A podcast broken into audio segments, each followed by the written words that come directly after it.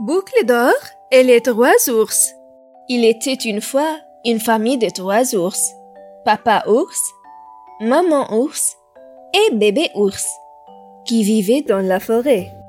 Un jour, pendant qu'ils se promenaient dans la forêt, une petite fille qui s'appelait Boucle d'or entra dans leur maison.